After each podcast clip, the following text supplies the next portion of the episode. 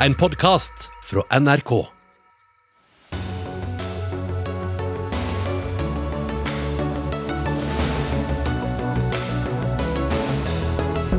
Millionbonusene til Norwegian-toppene provoserer. Utbetalingene er urimelige, sier en av de største aksjonærene. Toppkarakterer premieres med gavekort. Vanlig praksis, ifølge Utdanningsetaten. Desto verre, svarer Elevorganisasjonen. Norge går for hydrogen, olje og vind til lands og til vanns. Men hvor blir det av satsingen på solenergi, undrer forskningssjef. Og lønner det seg egentlig å være kriminell? Enorme pengebeløp går tapt hvert år fordi politiet ikke gjør nok for å kreve penger tilbake fra straffedømte. Dette er Dagsnytt 18, hvor vi også spør hvorfor ikke regjeringen er like handlekraftige mot den voksende overvekten som mot koronapandemien. I studio Sigrid Solund. Og først skal vi til Sverige, der Moderaternas leder Ulf Kristersson har fått i oppgave å finne ut om han klarer å danne regjering på borgerlig side. I går sa Stefan Löfven at han trekker seg som statsminister, og den rød-grønne regjeringa går av.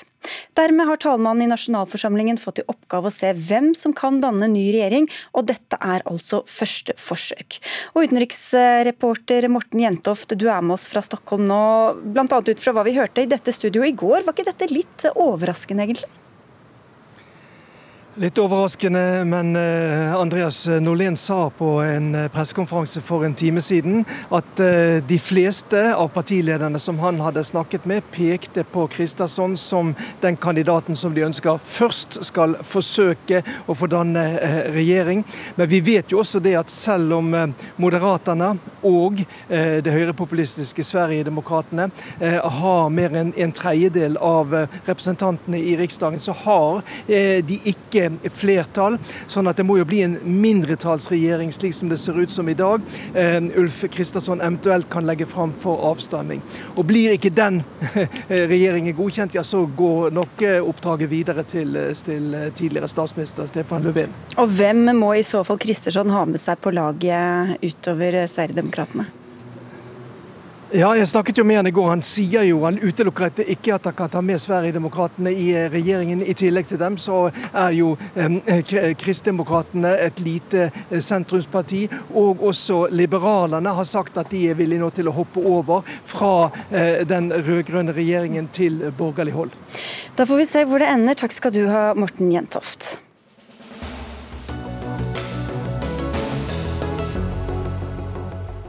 Og så til en redegjørelse som næringsminister Iselin Nybø fikk fra Norwegian i dag. Den handlet om bonusutbetalingene til den nylig avgåtte konsernsjefen Jakob Skram, og til Geir Karlsen, som tidligere var finansdirektør i Norwegian, og som nå er ny konsernsjef i selskapet.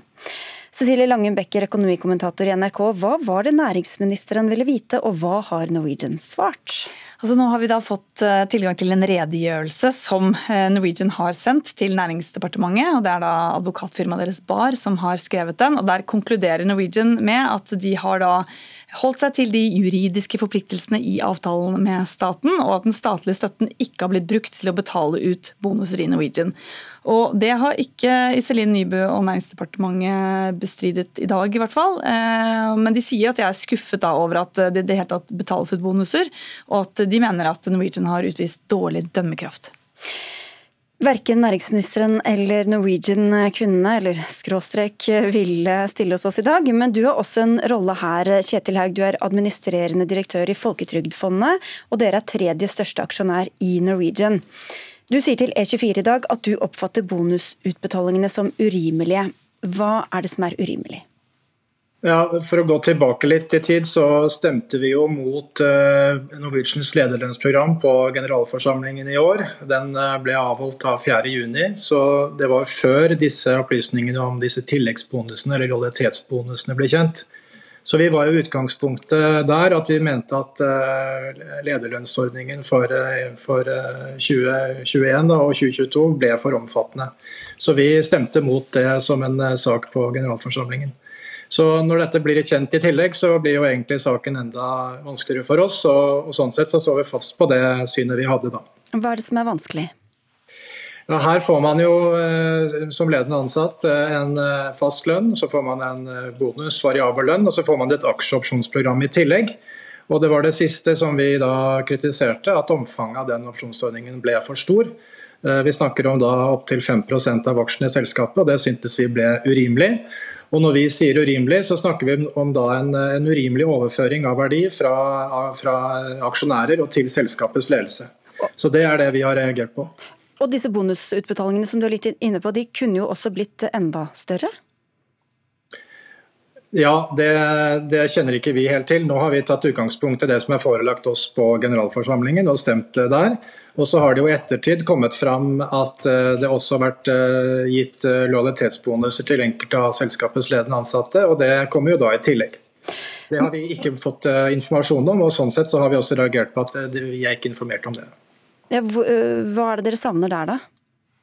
Ja, Vi mener jo at når eh, deler av aksjonærmassen stemmer imot en eh, lederlønnspolitikk, så, så bør jo da styret, eh, når man velger å utbetale ytterligere bonuser, informere aksjonærene om dette. Det er vårt syn. Og Så får vi høre hva, hva styret har, har, å si av forklaring, men, men, det er i hvert fall utgangspunktet. At vi mener at dette er noe som aksjonærene bør få vite. Hvem var det som stemte for og fikk dette igjennom, da? Ja, Vi ble stemt ned på generalforsamlingen, så sånn sett så, så, var det da øvrige aksjonærer. Men eh, Jeg kjenner ikke akkurat til hvem som har stemt hva her, men, eh, men vi ble da ikke hørte denne gangen. Nå skal dere ha et møte med Norwegian, hva skal dere snakke om da? Nei, vi syns det er en fin anledning til å treffe ny styreleder i selskapet. Høre litt om hans vurderinger av situasjonen og veien videre. og Vi ser fram til det. Jeg tror det blir et bra møte. Men har dere tillit til styret som sitter nå? Ja, det, det, har vi til enhver tid, holdt jeg på å si. Sånn som situasjonen er nå, så er det jo et nytt styre i selskapet, og, og vi forholder oss til det til enhver tid sittende styre. Og Vi har ikke fremmet forslag om, om endret styresammensetning slik situasjonen er nå. Hva tror du denne saken kan gjøre med Norwegians eh, omdømme?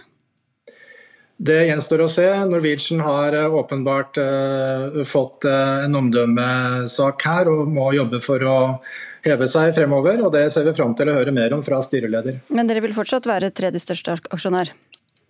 Det er til enhver tid en løpende vurdering, vår aksjeposisjon, og det kommenterer vi vanligvis ikke. Takk skal du ha for at du var med, Bård Bjerkholt, kommentator i Dagens Næringsliv. Dere stiller spørsmålet på lederplass i dag om noe norsk selskap har greid å sløse bort så mye politisk goodwill på så kort tid. Det var litt ledende spørsmål, kanskje, så svaret sier seg selv? Eh, ja, altså Hvis vi går tilbake til, til da krisen traff Norwegian og, og, flyene ble satt på bakken og selskapet begynte å tape masse penger, eh, så var det åpenbart at de trengte statlig hjelp. Og da var det jo sånn at eh, regjeringen kom opp med disse kriselånene. Men i tillegg så ville jo mange politikere da gi Norwegian mye mer penger, bl.a. tilgang til dette kontantstøtten som, som, regjeringen da hadde for eh, andre bedrifter, men som luftfarten ikke fikk ta del i. Så det er klart at den, den, den politiske goodwillen som da Norwegian hadde, den eh, var betydelig. De ble sett på som nødvendig infrastruktur. En bedrift som, som nærmest måtte reddes. Og det er klart at eh, Hvis vi ser på situasjonen nå, så kommer det både fra venstre og høyre nokså drepende kommentarer fra politikere etter etter eh, disse millionbonusene. Men som du sier, så var det jo blant andre Senterpartiet ville jo gi enda mer penger direkte til Norwegian. Det var jo samling på Stortinget for å gi denne støtten. Så hvorfor rette så mye av kritikken mot næringsministeren? Jo, fordi eh, ja, Dette er jo også litt politikk, men, men næringsminister Iselin Nybø har jo da stilt krav eh, om at statlig støtte betyr null bonus til ledende ansatte. Eh, og så har nok eh, muligens selskapet eh, sitt på det tørre her, fordi bonusene her ble jo først utbetalt da dette statlige lånet med disse vilkårene ble avsluttet. Men det er klart, det er jo en lite lojal måte å forholde seg til en avtale med, med staten på. Cecilie Langen Becker, næringsministeren er tydelig misfornøyd, men hva kan hun egentlig gjøre? Altså, hun kan jo selvfølgelig ta en gjennomgang av begrunnelsen til Norwegian og eventuelt bestride den og ta det videre og ikke gi seg eh, nå. Og så gjør det, denne saken ganske tydelig at man på et eller annet tidspunkt trenger en ganske sånn bred gjennomgang av alle de økonomiske støtteordningene til næringslivet eh, etter, gjennom denne koronapandemien. Det, men det, dette var det eneste som fikk eh, som, som, betingelse at man ikke skulle betale ut eh, Ja men, ja, men, det har jo vært eh, betalt ut mye gjennom denne pandemien. Vel, mye skattekroner. Så, og det å ta en gjennomgang og se eh, hva pengene har gått til eh, og hvor godt de har blitt brukt, det tror jeg ingen, ingen, ingen vil finne så veldig mye negativt ved. Men hvorfor, hva var begrunnelsen for at, at de skulle få 11 millioner hver, disse to nevnte sjefene? Eh, dette har jo eh, kommet frem i den redegjørelsen eh, i dag, men også tidligere da, hvor, styreleder, eller tidligere styreleder Nils Medgaard har redegjort for det. og han, Det han sier er jo at selskapet var i en akutt krise, de holdt på å gå konkurs. og For Norwegian da var det veldig viktig at nøkkelpersonell, altså toppsjefen og finansdirektør Geir Karlsen, ble værende og ikke gikk til konkurrenter. Og, så, og det, er nok, det er nok lett på en måte å forstå det, men men denne forklaringen har, fikk seg jo et skudd for baugen av Norwegians egen redegjørelse i dag, hvor det fremgår da at eh, både Schram og Carlsen var villige til å eh, disse, sette en strek over, disse, over, dette bonusprogrammet, fordi de innså, nok innså at dette ville både eh, blir litt vanskelig kanskje i etterkant, men, men, eh, fordi dette i deres øyne vil gjøre denne restruktureringen lettere. Og så er det jo et juridisk spørsmål som du var inne på, Becker, men det er jo også et skal vi kalle det et moralsk spørsmål, som ikke minst kanskje kan gå utover omdømmet til Norwegian. Ja, her, dette er jo en litt sånn klassisk greie der hvor politikk og næringsliv går, kommer liksom på kollisjonskurs. fordi Iselin Nybø forventer jo at, at Norwegian skal ha litt mer sånn bedre politisk dømmekraft, mens Norwegian tilpasser seg jo Eh, den avtalen, og, og, og, mener jo selv at de, det er litt sånn man driver business. Eh, sånn at, eh, Og ja, det er et omdømmetap for Norwegian, helt klart, men det er jo også et omdømmetap for regjeringen, og at man kanskje kunne ha satt opp en, en strengere og en bedre avtale. Mm. Og Det får vi sikkert høre mer om. Takk skal dere ha, begge to.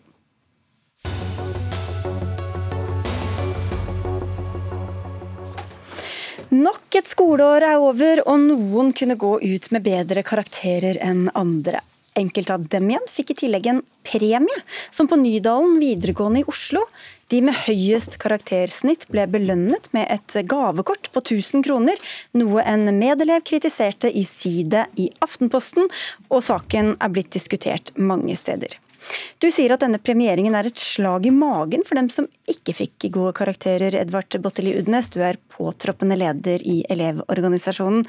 Men hvorfor skal en premie til et par stykker være så skadelig for dem som alle dem som ikke får det?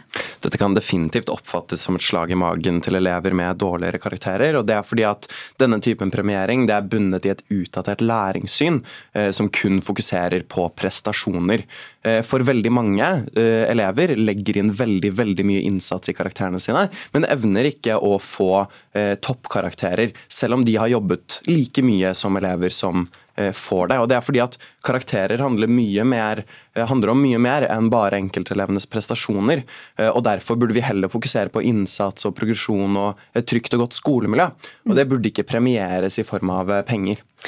Dette har pågått i flere år, forstår vi. Trond Lien, divisjonsdirektør for videregående skole i Utdanningsetaten i Oslo. Hvor utbredt er dette fenomenet? Jeg tror det er ganske utbredt. Jeg har ikke gjort noen undersøkelse av det, men det er en ganske kjent praksis. Og det å premiere prestasjoner um, skjer på veldig mange ulike områder innenfor iallfall videregående skole. Være seg akademiske prestasjoner som, som karakterer, eller musikkprestasjoner, idrettsprestasjoner, entreprenørskap, andre konkurranser. Men hvorfor er det da i dette tilfellet karakterer som skal ligge til grunn, og ikke innsats eller forbedring f.eks.? For Ja, det er jo noe av hva skal jeg si, roten til spørsmålet her. Ehm, vi elevene måles på individuelle prestasjoner. Ehm, det er jo derfor også media er opptatt av hvilke elever som går ut med, med mange, bare seksere på vitnemålet sitt. slik at ehm, Karakterer er en del av vårt system, og så har man valgt å, å belønne noen av disse prestasjonene. Og så opplever vi nå at nå er det opp til debatt. Og det, det, er, det er, sikkert betimelig. Men hvis det har pågått lenge og er utbredt, hvilken faglig vurdering eller, eller pedagogisk begrunnelse er det som ligger til grunn? Det ligger vel en, et ønske om å um, vise fram gode prestasjoner på mange områder eh, til grunn for, for, at man har valgt å gjøre det på den måten. Jeg syns at utdanningsstaten ikke tar eh, nok ansvar overfor det som skjer i eh, Oslo-skolen. Eh, det vi vet, er at vi beveger oss vekk til et læringssyn som eh, legger mer vekt på ting som er vanskeligere å måle. Eh, og utdanningsstaten er ikke bare i dette tilfellet, men f.eks. i hovedstrategiene deres. De eh, premierer jo ikke sånn, de fokuserer ikke på det her. og Det betyr at Oslo-skolen, en av landets største skoler, de henger etter etter i den utviklingen resten av Skole-Norge har. Vet du at ikke dette gjelder for hele landet? da? At ikke de får premier i Tromsø eller Kristiansand? Dette kan godt gjelde for hele landet, men her ser vi at spesielt i Oslo er dette et utbredt problem. og Det har vi også fått tilbakemelding fra medlemmene våre om. Eh, vi ser også at utdanningsstaten i Oslo ikke evner å ta tak i dette. Eh, og eh, også i det andre arbeidet, når det kommer til læring og skoleutvikling, så legger de mer press på prestasjoner enn innsats og progresjon. Lien? Det er vel ikke helt riktig at vi ikke tar tak i det. Vi sitter jo her og diskuterer dette nå, og det kom opp som en diskusjon rett før, før helgen. Eh, dette har ikke vært oppe til debatt. Jeg har vært skoleleder i Oslo i 23 år. og Jeg kan ikke huske at vi har diskutert det før. Så, så dette har på sett og vis gått litt under radaren. Og så har det utviklet seg praksiser som nå er oppe til debatt. Men oppe til debatt, betyr det syns du det er greit eller bra eller dumt? Eller? Jeg tenker det er veldig leit at eh, eleven på Nydalen opplevde dette som, som, som sårende. Det, det, skal vi ta på, på ramme og alvor, og så må vi se på praksisen. Eh, det er jo skolene selv som har hatt hånd om dette her, og ikke for å skylde på det. Men, men eh, det, det, må på sett og vis komme fra politisk hold dersom vi skal legge om denne praksisen. fordi dette, Det er ingen som har brutt noen regler eller overstyrt styringsdokumenter eller gått utover budsjettfullmaktene sine. sånn at Eh, dersom man ønsker dette omlagt, så, så, bør det nok også komme et politisk signal. Ok, For dere har ikke noen egen mening om dette, egentlig? da? Jo, det har vi, men vi er satt til å forvalte et regelverk, og akkurat dette er ikke omtalt i regelverket vårt. sånn at... Eh, ok, Hva er deres mening, da? Dere kan jo gjøre noe med det, da. Jeg tenker at Nå er det på høy tid å ta debatten, også med Elevorganisasjonen og med elevrådene. er det vi prøvde å gjøre her, da, vet du. Ja, ikke sant? Men, men, men så sitter ikke jeg og mener på vegne av eh, okay. 27 skoler alene, det ville være en dristig øvelse. Du, du skal få lov å forlate oss, holdt jeg på å si. Takk skal du ha for at du kom. For dette er jo blitt et politisk spørsmål. Det er mange som fordømmer denne praksisen rundt omkring. Men det finnes også dem som forsvarer den, hvis vi ser litt høyere på det enn bare dette tilfellet med pengepremier eller eh, gavekort her, da. Herman Faane, du er sentralstyremedlem i Fremskrittspartiets Ungdom. De med gode karakterer er jo allerede blitt premiert for innsatsen gjennom nettopp de gode karakterer. Hvorfor trenger de et gavekort eller pengesum i tillegg? Jeg synes det er veldig hyggelig å belønne de som har gjort en veldig god innsats. Eh, jeg synes at Elevorganisasjonen eh, problematiserer det som egentlig skal være en hyggelig sak. Eh, her er det folk som har jobbet hardt og fått seks i snitt og, og gode karakterer. Og, og, Det er det skolen skal bedømme elevene etter. og Det at man da hever frem de som har gjort det godt, det synes jeg alle skal være glad for, og glad på deres vegne. Men er det gitt at de som får en sekser har lagt ned en større innsats enn de som får en firer? Nei, men det er ikke slik at man blir født med et seksersnitt heller. Det ligger ganske mange timer bak det. Jeg har vært på Nydalen videregående selv og vet at det er veldig mange dyktige elever på Nydalen. Og, og, det at man da klarer å få de beste karakterene blant så gode elever, det kommer ikke gratis. Så et gavekort på 1000 kroner er en mager timeslønn for mange timer med hardt arbeid. Og noe, Elevene vet jo hvem som er best faglig og ikke fra før, eh, Udnes. Så hvorfor er det så farlig å se at de blir påskjønnet med en liten presang? Det som uh, er kjernen i saken det her, det er signalene skoleledelsen sender, basert på det læringssynet vi har. Og vi har De siste årene i skolen så vi begynt å vektlegge innsats og progresjon med fagfornyelsen, som faktisk Frp i regjering var med på å vedta. Men når skoleledelsen premierer de elevene med best prestasjoner, som vi vet har veldig mye å gjøre med arv og miljø, og ikke nødvendigvis kun innsats, og FPU ikke reagerer på det her, så møter de seg jo selv i døra med sin egen fagfornyelse. Hvorfor vil dere ikke gjøre det lettere å implementere fagfornyelse undersøkelsen deres? Jeg synes det at eh, vi gjør elevene en bjørnetjeneste ved å klappe dem på, på, på skulderen og, og ikke utsette dem for, for, konkurranse. Livet består av konkurranse. Når man kommer i arbeidslivet, så er det altså, på, i, i, arbeidslivet så okay, blir man ja, Du kan jo forholde deg til det som er fagfornyelsen. altså at Det er progresjon, man skal ha en helhetsforståelse. Ja. Det er noe annet enn bare ja. å pugge og komme til beste karakter. Absolutt. Hvordan stemmer det overens med dette at karakterer alene skal avgjøre hvem som blir premiert og ikke? Nei, men jeg synes jo at Hvis du får sekser eh, straight ace, altså bare seksere, så har du gjort en ganske stor innsats. Og så har man på Nydalen bedømt det, altså, Noen får jo gode karakterer etter veldig mye arbeid. andre trenger ikke å slite så mye. andre igjen kan slite kjempemye og til slutt klare å få en firer eller en femmer. Absolutt, og de skal vi ikke glemme. Så Hvor rettferdig er det systemet? Vi skal, vi skal, løfte de opp og frem, selvfølgelig. Og, og, det er noe vi har jobbet med da vi satt i regjering, og som vi eh, gjør også nå når vi sitter utenfor regjeringen.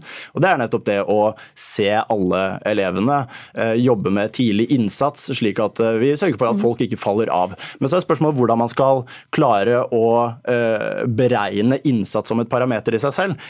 Selvfølgelig, Skolen kunne sikkert tatt de som hadde lavest snitt første førsteåret, og hvem som hadde hatt størst progresjon til tredjeåret. Men eh, jeg synes at man problematiserer det som egentlig skal være en hyggelig sak, hvor man løfter opp og frem de som har gjort en veldig god innsats på skolen, og som får en liten oppmerksomhet. og Det synes jeg absolutt de fortjener. Sånn er det jo i samfunnet ellers også. Skal ikke skolen gjenspeile det eleven er på vei ut i?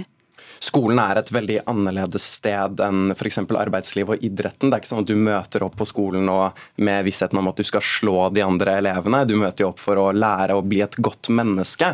Eh, og det er jo ikke bare vi som problematiserer det her. De som mottok gavekortene, problematiserte dette.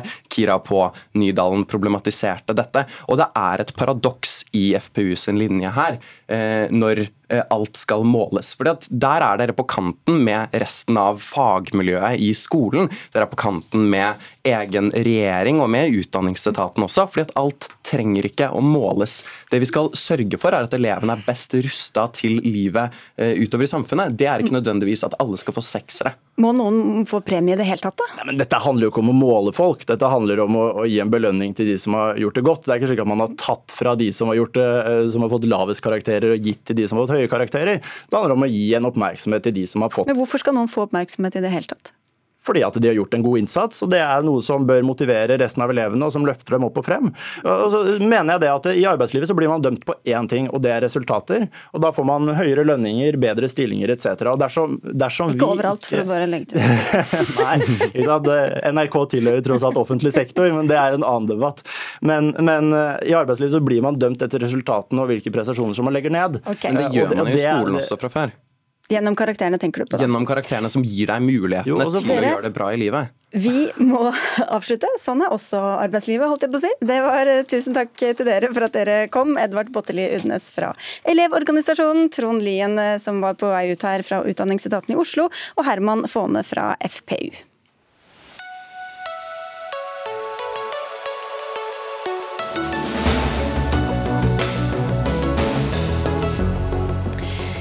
Hvorfor satser vi så lite på solkraft her i Norge? Så det skal vi snakke om litt senere i denne Dagsnytt 18-sendingen. Men nå noe helt annet. Samfunnet vårt taper enorme ressurser på kriminalitet hvert år. Ikke bare menneskelig og pga. lovbruddene i seg selv, men også fordi staten ikke klarer å inndra penger som er stjålet, hvitvasket eller skaffet på annet ulovlig vis. Dette har dere avdekket gjennom flere reportasjer i Dagens Næringsliv, hvor du er eh, kommentator Anita Hoemsnes. Kan ikke du gi oss noen tall som viser omfanget her? Jo, det er jo sånn at Vi har hentet inn eh, hittil ukjente tall fra Statens innkrevingssentral for en tiårsperiode, som viser at altså rundt én av Eller kan jeg si det sånn, syv av ti kroner som den kriminelle eh, får tak i på kriminell aktivitet, kan han benytte, eller hun benytte fritt etter at eh, en fengselsstraff er eh, av, eh, av, eller av, han er ferdig i fengselet. Og det vil si at man eh, I de siste ti årene så har man kunnet inndratt 800 millioner kroner. Men, og Det kan høres mye ut, men eh, når man vet at den svarte økonomien omtrent kan ha et omfang på godt over 100 milliarder kroner i året, så er det svært lite som eh, klarer å drive inn fra kriminell aktivitet. Og Hva slags kriminell aktivitet er det snakk om? Det kan jo være all slags kriminell aktivitet som har med et økonomisk eh, for, ønske. Altså at man eh, selger narkotika, man driver med hvitvasking, eh, arbeidskriminalitet. Det er jo ofte at en kriminell handling har et økonomisk forsett. Nettopp ønsket om å få et økonomisk utbytte er jo drivkraften for de som driver med kriminell aktivitet. Og Da er det jo tragisk at uh, ikke klarer å inndra disse pengene slik at man får gitt den straffen som eh, er påtenkt. For de kan jo havne i fengsel, men likevel eh, ikke, ikke bli, få, få pengene inndratt? Ja. Altså Man kan få en dom, og det er jo det som vi eh, har skrevet i DN, og som jeg har skrevet i kommentar også. at Det, det handler nok mye om at politiet har en kultur for å bli målt etter å få folk i få en dom, få de fengslet på, på raskest mulig måte. Og det å inndra det økonomiske utbyttet fra den kriminelle handlingen har ikke vært like høyt på listen. Så Ergo så lønner forbrytelse seg økonomisk i Norge i dag. Får håpe ingen unge hører på denne sendingen. Det er vel ikke så stor fare for det heller. Men eh, Pål Lønseth, du er sjef for Økokrim og stiller på vegne av politiet. Hvorfor lar dere alle disse pengene bare forsvinne ut i det svarte markedet? Eh, la meg starte med å si at jeg er helt enig med at eh, politiets arbeid med inndraging er for dårlig og for svakt. Men vi, snakker, vi må snakke om det som ikke fremkommer av disse tallene, er jo at Metoden og virkemidlene for politiet til å få tak i et eh, kriminelt utbytte er jo ikke bare inndragingsverktøyet.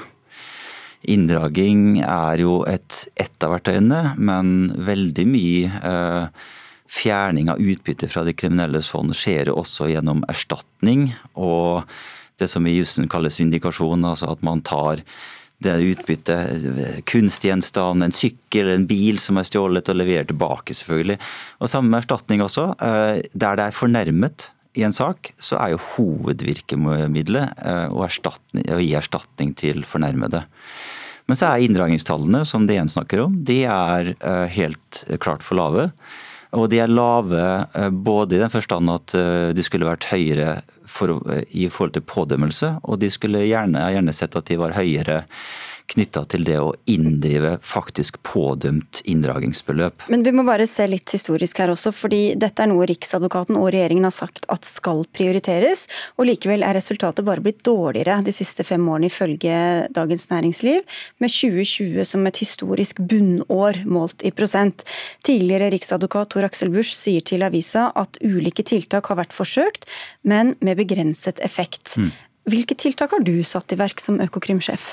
Ja, Nå er det satt i verk eh, ikke bare meg som Økokrim-sjef, men det er nå satt i gang eh, tiltak som går ut på at eh, alle politidistrikter skal ha inndragningsspesialister. Vi har tiltak i Økokrim som skal følge opp politidistriktene med egen dedikerte mannskaper til å håndtere inndraging.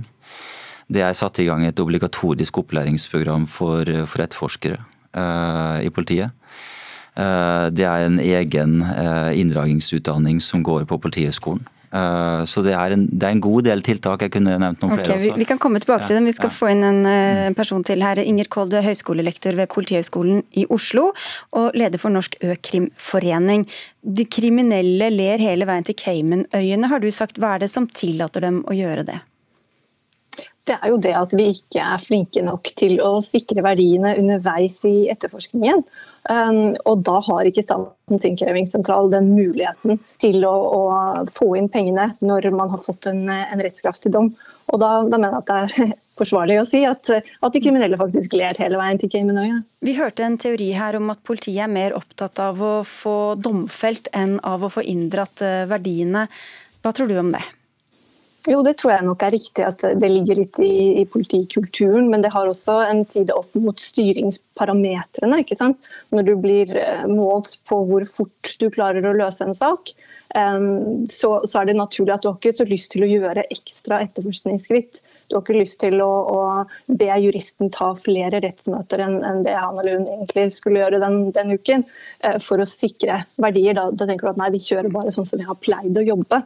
Um, og Der er det også en side opp mot at uh, politijuristen er jo veldig veldig overarbeidet. Så jeg skjønner at det ikke nødvendigvis er fristende å, gjøre mer enn det man er vant til. Du nikket litt, Lønseth. Hvor tungt prioriterer dere å få folk bak lås og slå i forhold til å få samla inn uh, verdier? Jeg tror Koll er helt uh, inne på noe viktig, og det er at fokus for politiet på påtalemyndighetens side opp gjennom alle år. Dette er jo ikke første, det er ikke første gang det inndraging er på agendaen, og det er ikke første gang politiet får kritikk for manglende resultater på inndragningssiden.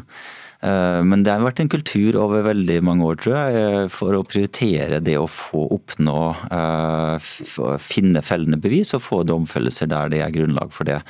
Og Det er nok en kultur som sitter dypt. Og så må vi jobbe da for å vri den kulturen over til at det er like viktig, og kanskje til og med enda viktigere i en del sammenhenger, å få til den inndragingen. Men, men når, når, dere har hatt dette oppe på agendaen så mange ganger, da, hvorfor har dere ikke klart å gjøre noe med det? Ja, Nå har jeg sittet som økonomisk i ett år, så jeg skal ikke svare for mine forgjengere. Men, men jeg er iallfall opptatt av at fremover så, så, skal vi følge disse tallene. Men det er et komplekst område, og det er ikke slik at uh, at disse inndragningstallene som DN har presentert, representerer hele bildet for så vidt gjelder å få tak i utbytte fra de kriminelle handlingene. Johan Buch, du er professor i strafferett ved Universitetet i Oslo.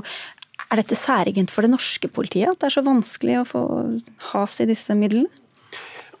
Nei, altså Det som jo framgår tydelig, er jo det, det er jo internasjonal problematikk. Og Det viser jo ikke bare det at det er veldig stort interesse i internasjonale organisasjoner, FATF, FN, men også på, på EU-nivå. EU-kommisjonen har jo vært veldig aktiv på innragningsområdet. og For ikke så lenge siden i en eh, rapport fra 2018 tror jeg det var, så la man til grunn at, at ca. 110 milliarder euro eh, var, ble generert av det illegale markedet, og ca. 1% av det ble inndratt.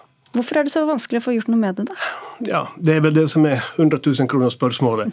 Men, 100 milliarder kroner skal få, høres litt ut som. Men... Man ser jo at, at, det arbeides med det her i mange land. Altså I England har Law Commission nå en stor utredning på gang. Uh, I Sverige finnes det en stor forverkende utredning. Um, og, og, her i Norge har man hatt også uh, utredninger. Men jeg tror det er viktig å se at det her er en ganske sånn kompleks tematikk. Og det gjør det at en kompleks tematikk har sjelden et enkelt svar. Og Det betyr det at man må liksom se på det i ulike stadier. Vi har dels etterforskningen der det handler om å sikre eh, det utbyttet man finner fram til. Man må finne fram til det utbyttet. Man må kunne idømme inndragning på domstolsnivå. Man må kunne innkreve det eh, når det er idømt. og sen Deretter oppstår spørsmålet om uh, disponering av innkrevde midler. Ja, Inger Koll. Um, hvis politiet blir flinkere til å kreve inn mer midler, kunne man sette for seg at de fikk noen av midlene til å bruke dem til å kreve inn enda flere? Ja, Det er jo en modell som er brukt i flere andre land, bl.a. i Storbritannia. Hvor faktisk eh, penger som kommer fra straffbare handlinger, de blir puttet inn i et fond. Og så er det fondet under Justisdepartementets eh, myndighet, og de deler ut penger til f.eks. Eh, faste stillinger i, i politiet eller påtalemyndighet, til prosjekter, til store f.eks. Man kunne tenkt at Lime-saken kunne etterforsket med penger fra, fra den type fond. Og det er også litt sånn Eh, eh, skjebnens ironi hvis du kan få kriminelle penger til å, å, brukes til å ta andre kriminelle. Det hadde jo vært eh, dobbelt uh, fornøyde kunder, på en måte. Eh, Ekstra bittert for de kriminelle. Men, og dobbel gevinst for samfunnet. Mm. Ja, Lenseth kunne det gjort noe med holdt på å si, motivasjonen, men kulturen, da, som du nevnte i stad? Det er mulig, men jeg tror det er andre virkemidler også som kan hjelpe oss langt på vei. Her gjelder det å utnytte både de hjemlene man har, men få på plass den kulturen og den kompetansen som dette dreier seg om, og det fokuset som skal være på at, eh, at eh, utbyttet skal sikres underveis, allerede tidlig i etterforskningen. Helt i initialfasen av en etterforskning så skal man sikre de muligheter man har til hefte og arrest. og da da, eh, hvis man får snudd den kulturen, så tror jeg man også også kommer et godt stykke på vei. og Så får vi diskutere om det er riktige virkemidler som Koll er inne på. Men kan det bli et problem hvis de blir for ivrige her, da, Bukt? Ja, Det er jo det som er forstås det vanskelige. Det gjelder jo å finne en balanse mellom det at man drar inn og det at man må beskytte altså rettighetene til de som rammes av de virkemidlene man har. Og man har, jo, man har ju, Det er helt klart at mange indragningsämnen er veldig langtgående. Mm. Og, och, det reser også en del äh, menneskerettslige äh, problemer. Mm. Og Det gjelder då å finne den balansen. Et problem her er jo det at når man vil ha de store fiskene, så kan vara, det kan være ganske vanskelig å få tag i. og Det gjør det at man kan behøve ganske sånne drakoniske uh, midler. men samtidig er det risiko med det at man treffer oproportionalt kraftig de så å si, mindre fiskene. og at risikoen for å eh, dra inn lovlige eller legal eh, formuesgoder blir altfor stor. Nå skal du eh, forske på dette, Inger Koll, og finne ut av hvordan politiet skal bli flinkere. Du har allerede satt i gang noen tiltak, Pål Lønseth. Takk skal dere ha begge to. Og takk til deg, eh, Johan Bucht, professor i strafferett, og til Anita Hoemsnes fra Dagens Næringsliv.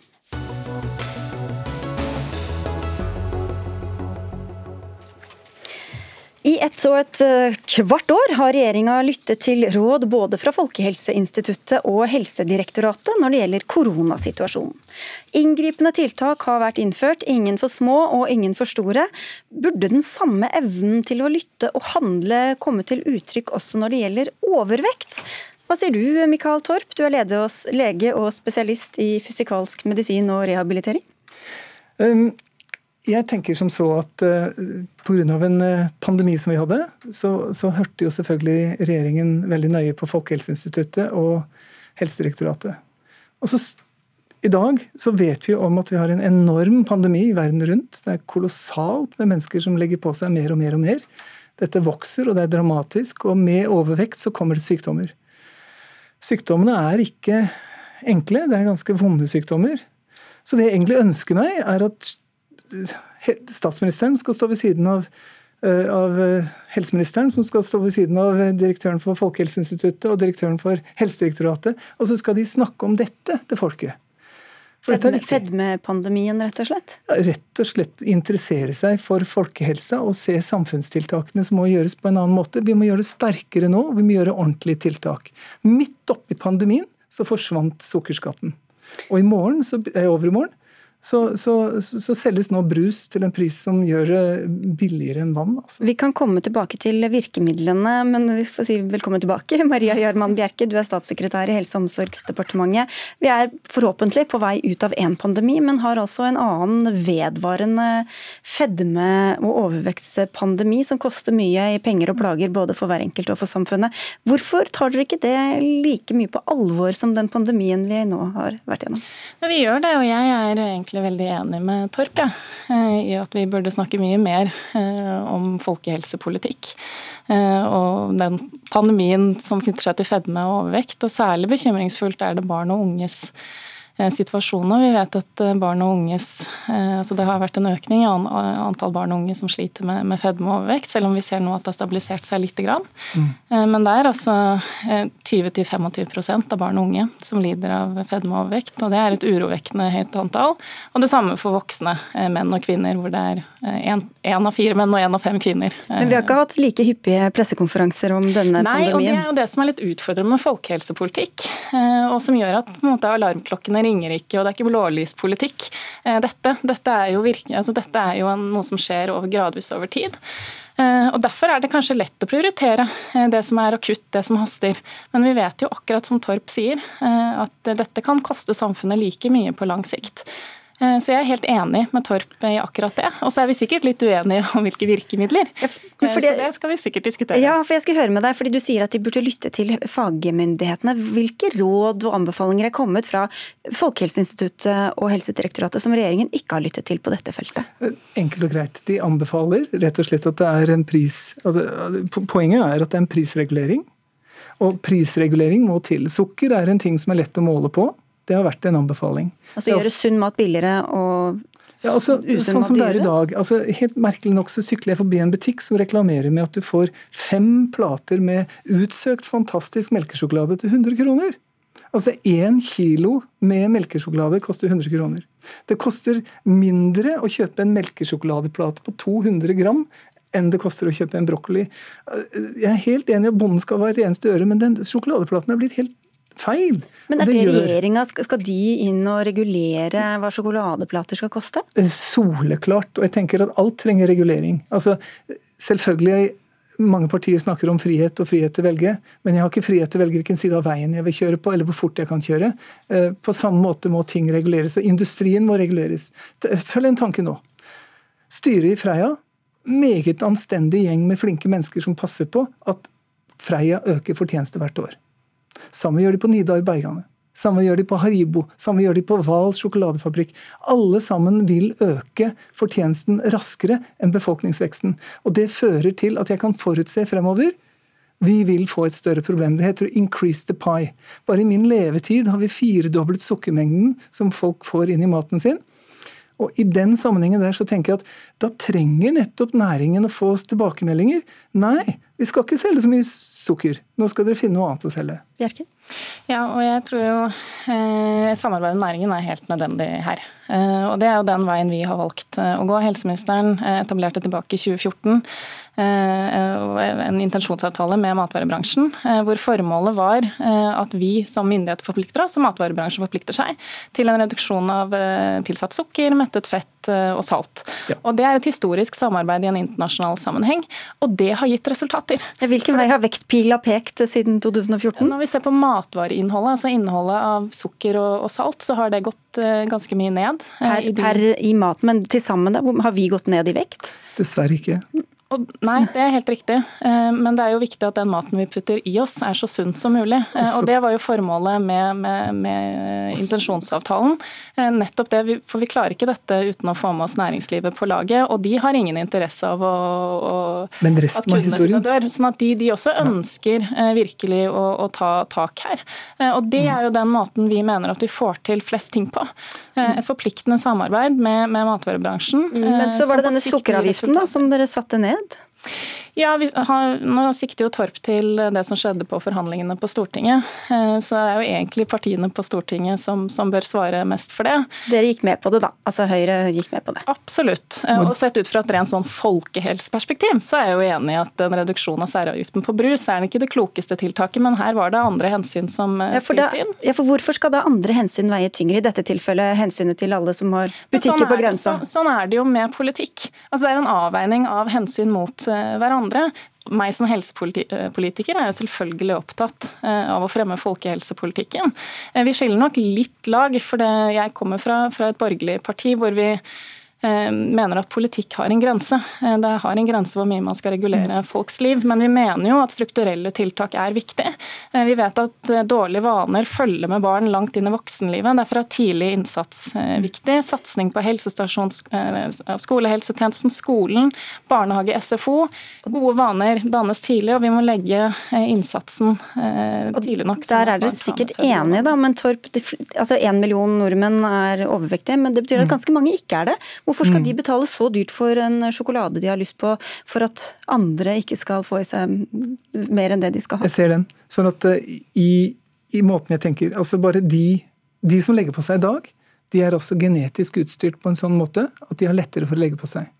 De fleste i Norge vet veldig mye om genetikk, for de vet mye om hunder. Hvis du har en labrador Gjør de det? Ja, de fleste vet veldig mye om det. Sånn at Hvis de har en hund, så vet de masse om genetikk. Du kan ikke putte en tallerken med mat framfor en labrador og be den fordele den utover uka. Labradoren er konstruert for å bare spise den med en gang.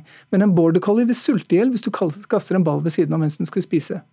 Sånn at vi, vi, er sånn mennesker også. Noen av oss er labradorer, som faktisk er slik at vi får en skikkelig tenning på god og søt mat, og så kan de bli sporet av fra det sunne og det friske. Og da sitter de knekkebrødspisende, hytteturgående menneskene og sier du, ta deg en tur i skogen og spis et knekkebrød. Det er fryktelig urettferdig. Sånn at egentlig har belastningen havnet på de med de genene. Vi skal ha et samfunn hvor det er trygt for mennesker med gener hvor de er lett for å legge for seg. At de også kan vandre inn i en butikk uten å måtte se fristelser. Det syns jeg er riktig. Det blir ikke i morgen, men vi får se om det blir det etter hvert. Takk skal dere ha begge to, lege Mikael Torp og statssekretær i Helse- og omsorgsdepartementet Maria Gjermund Bjerke.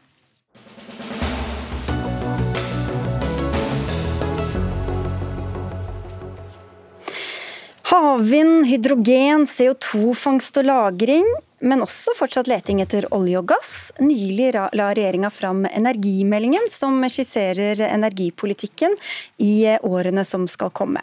Men én energiform glimret med sitt fravær, ifølge kritikerne, nemlig satsingen på sol. Erik Stensrud Marstein, du er forskningssjef ved Stiftelsen Institutt for energiteknikk. Hvordan ligger Norge an på satsingen på solenergi sammenlignet med andre land? Den er veldig todelt. Vi er veldig gode på solcelleindustri. Vi har mange selskaper som ligger veldig godt an i internasjonal konkurranse. Og Når det kommer til bruk i Norge av solstrøm her hjemme, så ligger vi et godt stykke bak eh, til og med våre naboland Sverige og Danmark. Så vi har alle forutsetningene egentlig for å ta det i bruk, men Vi kan definitivt bruke mer. Men hvor, hvor godt egnet er solkraft for et mørkt og kaldt land som oss? Altså, vi bruker jo mest strøm på dagtid som alle andre. og altså, Nå har jo hele diskusjonen endret karakter etter at vi nå har innsett at vi skal elektrifisere samfunnet mer. Før har det vært eh, trenger vi mer fornybar kraft da? Og nå er diskusjonen hvor skal vi få tak i nok fornybar kraft. Eh, og Da er sol noe som begynner å bli både billig og lett å rulle ut veldig fort. Eh, og så Det bør definitivt være på bordet når vi diskuterer disse titalls terawattimene vi skal få tak i. Og Hvor godt syns du at eh, regjeringa har både lagt til rette for og planlagt for økt bruk av solkraft? Det kommer seg jo. altså jeg synes Energimeldingen hvis du tar den først, da traff halvveis riktig. altså Den var veldig god på det internasjonale perspektivet. Den, den anerkjenner veldig at sol nå er på full fart. Så var den kanskje litt ambisjonsløs på hva man kan gjøre i Norge, men det er kanskje fordi det er litt vanskelig å se hva er planen, hva er det vi burde gjøre i Norge hvis vi skulle gjort én ting. Men det, på den andre siden så er det en del veldig lovende takter nå på regulering. Kari, det er Liv Kari Eskeland, du er stortingsrepresentant for Høyre og medlem av energi- og miljøkomiteen på Stortinget. Hvorfor ligger ikke Norge bedre an på sol? Jeg syns jo da at vi gjør en hel del på sol, eh, og vi bruker ganske mye penger på sol. Enova har eh, hatt de siste fire årene en satsing på 1 milliard. Og Det har jo òg ført til at vi har dobla solenergien vår eh, hvert år fra 2016. Var, fra hva til hva? Ja, så Vi har, vi har økt an, antall kilowattimer vi produserer sol eh, for, fra år til år. Men og, Hvor stort er omfanget i forhold til annen energiforsyning? Ja, Det er jo ikke så stort. Det er jo, sol er fortsatt ganske lite. og Litt av grunnen til det er jo den fantastiske vannkraften vi har. Som ligger som en base som både gir oss billig energi, eh, og han gir oss regulerbar energi. Og, da, og Vi produserer jo så mye nå at vi selger jo store deler av eh, den energien ut av landet. Så det har egentlig ikke vært det, det store behovet for mer fornybar energi. Og da ser vi òg i eh, et tiårsperspektiv så har vi egentlig nok. Ja, vi har nok, Marstein. Ja, men Da spørs det hvilken analyse man ser på. Vi skal bygge batterifabrikker, vi skal begynne å kjøre mer hydrogen, vi skal mm, elektrifisere hele bilparken. og Det er ganske mange andre industriinitiativer som også kommer. I tillegg til at vi kanskje får inn sterkere miljødirektiver for bygg f.eks. Og Da ligger det veldig til rette for at vi kommer til å trenge ganske så mye mer energi. Hva er det som er så bra med solkraften eh, sammenlignet med annen energitilførsel? da? Altså, for å begynne, Vannkraften er det beste man har. Den er fornybar og regulerbar. Den er helt unik, eh, men den er begrenset. Spesielt globalt så er det altfor lite av den. og Norge har heldigvis veldig mye, men selv i Norge, hvis vi skal bygge ut og så spørs det hva man tror på, Er det 30, er det 40, er det 50 TWh? Det er store tall vi snakker om. Så er det kanskje ikke nok vannkraftoppgraderingsmuligheter igjen. Vi ser at landvind er en mulighet, vi ser at havvind er en mulighet, men det burde definitivt være rom for å bygge sol. Eh, Esland, hvorfor har dere satset på energikilder som har skaffet så mye konflikt. Nå har vi sett eh, selvfølgelig olje- og gassproduksjonen er jo veldig konfliktfylt, og ikke minst vindkraft på land i stedet for solkraft. Jeg eh, tror akkurat som Marstein at sol kommer til å komme i årene som kommer. Og det er En god grunn til det det er at teknologien er blitt mye bedre. og Det betyr òg at eh, prisen går ned. Ergo så kan vi fase inn mer sol etter hvert. Og det, og det kommer til å komme. Og, Det er jo derfor vi òg har disse satsingene på sol som, som vi faktisk har. Ja. Synes du, altså, du, er, du, er, så mild i forhold til Ja, altså, man, man blir, altså, det, det, er klart, altså, det, er, det, det, som gjøres, skal vi være takknemlige for. Altså, det kunne definitivt vært verre. Men, men er, det er, jo alltid slik at vi er veldig flinke til å satse på en del andre ting som blir veldig stort. Men så, jeg har to bekymringer. da, fordi den ene er at Når vi ser på hva de internasjonale aktørene får til på sol, så går det ekstremt fort der ute. Eh, og En del selskaper som da ikke er liksom på Norges hovedradar, gjør det fantastisk bra internasjonalt. Altså Hvis vi tar Scatec som et eksempel, de har liksom plan om å bruke 100 milliarder kroner på investeringer i ny kraft, primært sol innen 2025. Det er ikke så mange fornybarting i Norge som er i den skalaen eh, eksportrettet. punktum. Og Det burde kanskje være en del av en strategi. For Du sa da vi snakket sammen før sending at det, at det er liksom de gamle eh, energikildene som har fått styre mye av, eh, av tankegangen og innretningen i, i, norsk energipolitikk også. Ja, altså det, som på en måte, det føles veldig som at Utfordringen med Sol er at veldig mange av selskapene er nye selskaper. Mens veldig mye av fremtiden og veldig mange av foraene der man diskuterer fremtiden, fortsatt består av energiselskapene som på en måte har vært her lenge. Eh, og Det skaper eh, det har gjort det veldig vanskelig for Sol å komme til bords. rett og slett. Og Når man da ser på de store investeringene som skjer, og allikevel ser hvor få organer, møteplasser eh, der Sol faktisk er med, så er det litt bekymringsfullt. Ja, Eskeland? Eh, jeg er jo veldig begeistra for disse nye satsingene som, som, er, og de kommer til å komme. Og Så viser det seg jo nå da at de kommer, de håper jeg sjøl Samme hva for noe Uansett hva dere lar være å gjøre? I forhold til de virkemidlene som er. fordi at Vi har jo satsa ganske mye på forskning og utvikling på dette området, her, som gjør at vi nå har fått uh, disse satsingene som, som, vi ser. Og så tror jeg vi skal være glad for at vi har med oss de, de såkalt gamle energiselskapene og i en fortsettelse. fordi at det ligger masse kompetanse der. Og, og Når du trekker fram olje og gass, så er det klart at det, eh, dette som, som handler om sol på, um, på sjøen. Altså uh, sol, ja, flytende sol. Ja. Mm. Og gjerne sett opp imot flytende havvind, så finnes det store industrimuligheter her som vi skal ta godt vare på, og som vi skal ta med oss videre fremover. Men så har vi jo sett uh, all konflikten som er kommet f.eks. eller særlig på vindkraft. Hvordan skal man unngå at det samme skjer med solkraft, som også krever areal og naturinngrep? Ja, Solkraft er, veldig, det er en todelt bransje. Den ene biten er jo på bygg. Hvis vi begynner med den, og den virker veldig lett. Cirka en tredjedel av anleggene i verden er jo småanlegg, uh, og i Norge er det nesten bare bygget vi bygger på. Uh, og, Det tekniske potensialet for solstrøm i bygg er mellom 30 og 50 TWh. Altså Hvis vi insisterer liksom på å soldrive bygg, så kan det ta elektrifiseringen. Okay, så litt strengere krav fra henne over bordet kunne ja, gjort noe med det? Det kunne, det kunne, definitivt gjort noe. og det er klart så Sol i bygg hittil har vært veldig lite konfliktfritt. Så lenge man da gjør det riktig. Industritak spesielt er supervelegna. Når man skal ta areal til solparker, så må man tenke som to ganger. For der kan man definitivt gjøre feil. Selv om det er veldig mange, altså I Sverige og Danmark er det mye god erfaring med dette. Men man, man må definitivt lære av konfliktene vindkraftbransjen har møtt. Og få med seg folk.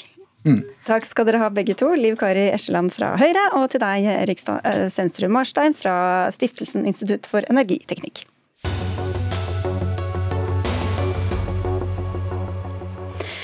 Fjor sikret en eh, noe uvanlig koalisjon Fremskrittspartiet, Arbeiderpartiet og SV flertall for å tilby tidlig ultralyd til alle kvinner i første trimester i svangerskapet. Men tilbudet er ennå ikke innført, og nå ber du gjennom Klassekampens sider at det hele blir satt på pause, Kjersti Toppe, medlem av helse- og omsorgskomiteen for Senterpartiet. Hvorfor skal man utsette dette nå?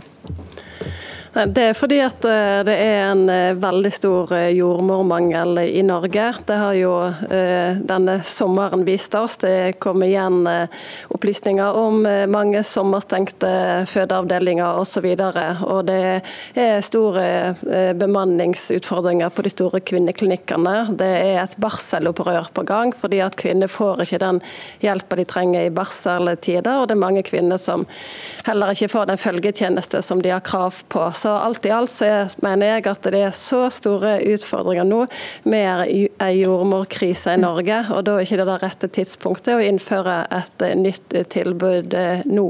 Så at dere Fordi, stemte mot, det har ingenting med saken å gjøre? Nei, altså, det, det, vil jo sikkert noen anta, men nei, altså vi kommer ikke til å gå til omkamp på innføring av tidlig ultralyd. Det har jo heller ikke vi eh, gjort vedtak om på landsmøtet vårt, så det respekterer vi, selv om vi var uenige. Mm. Men det som er mitt budskap nå, det er at eh, jeg vil advare mot å innføre et sånt nytt tilbud når det kommer til å gå på bekostning av føde- og barseltilbudet i Norge. Eh, det er helt garantert. Og Vi har jo snakket bl.a. her i studio om eh, jordmormangelen, Tuva Moflag, fra Du sitter i den samme komiteen fra Arbeiderpartiet. Hvorfor skal man da pålegge enda flere arbeidsoppgaver opp i en allerede overarbeidet hverdag? For det første så vil jeg jo si at Kjersti Toppe er på kollisjonskurs med Norske kvinner og Jordmorforbundet. De har jeg snakka med i dag, og de støtter ikke synet til Kjersti Toppe. De etterlyser helt andre virkemidler for å få bukt med den jordmormangelen vi har. Det handler om å gi faste hele stillinger til de jordmødrene som er i tjenesten. Og det handler ikke minst om å få slutt på den meningsløse vikarbruken som er i sykehusene nå. Jordmødrene får små vakter. Jeg har fått høre fra St. Olavs i dag at noen blir satt opp på to timers vakt vakter. Når vi bruker jordmødrene på den eh, måten, så skaper det en krise. Vi må løse den politisk, ikke gå til angrep på de etterlengta rettighetene som kvinner har fått. Men det er vel kanskje ikke noe man kan løse på 1, 2, 3 gjennom en sommer, og inntil videre så har man jo de oppgavene og de timene man har tilgjengelig. Så hvorfor tilføre enda flere? Det er helt riktig at eh, det ikke kan løses over natta, men dette tilbudet blir jo heller ikke innført over natta. Det blir en gradvis innfasing av dette tilbudet. Man skal ha infrastruktur på plass, man skal ha utstyr, man skal etterutdanne jordmødre, man skal ansette flere. Så dette skjer jo også gradvis. Men hvis vi ikke setter i gang, så vil jo ikke dette tilbudet eh, bli en realitet for norske kvinner. Og denne bemanningskrisen er spådd å vare i mange år framover, Kjersti Toppe, så når passer det egentlig vanskelig å innføre den? Dette mm. nye tilbudet? Eh, altså dette tilbudet kan jo ikke innføres gradvis, for det er jo en, en screeningundersøkelse. og Det innebærer 55 000 undersøkelser av friske gravide som skal bli et tilbud. og Det som er nå målsettingen fra regjeringen regjeringa og Helsedirektoratet, er jo at det skal innføres eh, til nyttår. Og På den tiden så har jo en aldri klart å få eh, disse nye jordmødrene på plass, fordi at det vil ta tid å utdanne flere. og jeg synes også at Arbeiderpartiet tar veldig lettvint på at eh, det er jo ikke, eh, altså det er ikke bare eh, nye jordmødre til tidlig ultralyd en trenger. En har jo et massivt behov for å styrke fødsel- og barseltilbudet. Så jeg tenker at det er veldig lite tillitsvekkende, og det er ikke troverdig at en kan si ja takk til begge deler på så kort tid. Jeg kunne ha respektert og trodd på, på det dersom en sa at det skulle fases inn over år. Men det er jo ikke det som ligger i planene nå. Dette skal innføres nå i løpet av eh, et halvt år. Ja, eh, Det som kom fra anbefalingen fra Helsedirektoratet, var jo at man starter med de eldste først. Og så er det klart at man kommer så langt man kan. Ja, for i dag er det alle over 40 som kan få det? Alle over 38, og, 38 så satte vi det ned til 35. Ja. og det var jo de man skulle starte med aller først. Men Kjersti Toppe vil jo ikke ha dette her. Kjersti Toppe ønsker jo ikke at vi skal innføre dette i det hele tatt. Og jeg syns Men tror du ikke på henne når hun sier at ikke det er det som er Nei, jeg syns dette lukter omkamp eh, lang vei, og jeg syns det er eh, overraskende at Kjersti Toppe, som er opptatt av at man skal ha tjenester nær folk, at ikke hun ser at det er særlig kvinner i distriktene som blir skadelidende av dette. Det er de som har lengst vei, og som har eh, dårligst muligheter til å kunne få ta tidlig ultralyd privat. Og vi vet at kvinner ønsker ultralyd tidlig i svangerskapet. Ja, for til det da, Toppe, Hvorfor skal du bestemme hva som er viktigst for de gravide kvinnene, om det er den eller den type omsorg og oppfølging? Nei, altså, Jeg syns det er viktig at en får på plass de helt basale eh, tjenestene når det gjelder fødsel og barsel. At ikke kvinner må reise i tre timer eh, for å føde, sånn som Kristiansund, som er lagt ned nå pga. jordmormangel. At en får hjelp til amming, at en får hjelp til fødselsdepresjon. At det blir oppdaga. Eh, at en får følgetjenester. At eh, jordmødre, jordmødre får anledning til å ha én-til-én-oppfølging under aktiv fase av fødsel fødselen ikke må betjene flere fødende samtidig. Det er helt enormt å lese de beskrivelsene som jordmødre forteller om. En, eh, halvparten ønsker jo å slutte. Så det men, men så sier de eh, samtidig, poeng. ifølge Moflag her i hvert fall, da, at de ikke vil ja, ha noen tilbake. altså det, er, altså det, det er jo litt etter hvem, hvem, du spør. Den andre jordmorforeningen er jo mer skeptisk og, si, og, og sa iallfall i Bergens Tidende hadde lyst til å filleriste politikere som innførte nye tiltak uten å først å utrede hva slags konsekvenser dette har.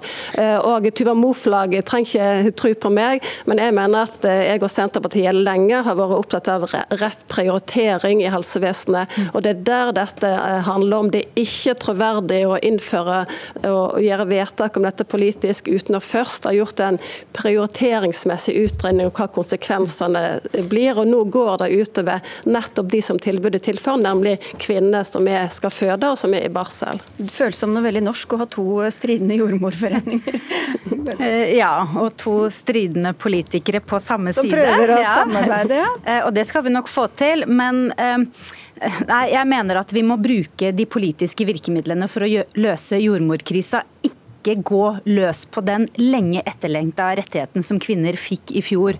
Kvinner vil ha tidlig ultralyd, og nå er det kvinner som bor i de store byene, som kanskje bare kan stikke ut i lunsjen og kjøpe seg den tjenesten, som får tilgang på det. Kvinner som bor i Nord-Norge har kanskje 26 mil å kjøre til en by hvor de får kjøpt privat ultralyd. Det må ta slutt nå. Men er det, bare, er det jordmødre primært som tar den tidlige ultralyden? Kan man gjøre det hos en lege? Eh, det er jordmødre primært som tar det. Og ved St. Olav så er de nå klare til å etterutdanne jordmødre til å få mer spesialisert ultralydkompetanse. De har mange som er gode på 18 ukers ultralyden allerede, og så må de kanskje få litt tilleggskunnskap for å ta uke 12 ultralyd. Og jeg opplever at fagmiljøet er gira på å ta imot denne oppgaven, og så er det vår politiske oppgave å sørge for at det blir nok penger eh, og forutsigbarhet for at det kan løses på en god måte møte i åra som kommer. Og der har dere tydeligvis snakket med litt forskjellige mennesker. Sånn er det jo gjerne. Takk skal dere ha begge to. Tuva Moflag fra Arbeiderpartiet og Kjersti Toppe fra Senterpartiet, begge medlemmer av helse- og omsorgskomiteen på Stortinget. Nå er Dagsnytt 18 ved veis ende. Vi er tilbake i morgen med Ugo Fermariello i programlederstolen. I dag satt jeg, Sigrid Solund, der, og det var Dag Dørum som hadde ansvaret for innholdet, og Frode Thorshaug som dro i spakene. Takk for oss.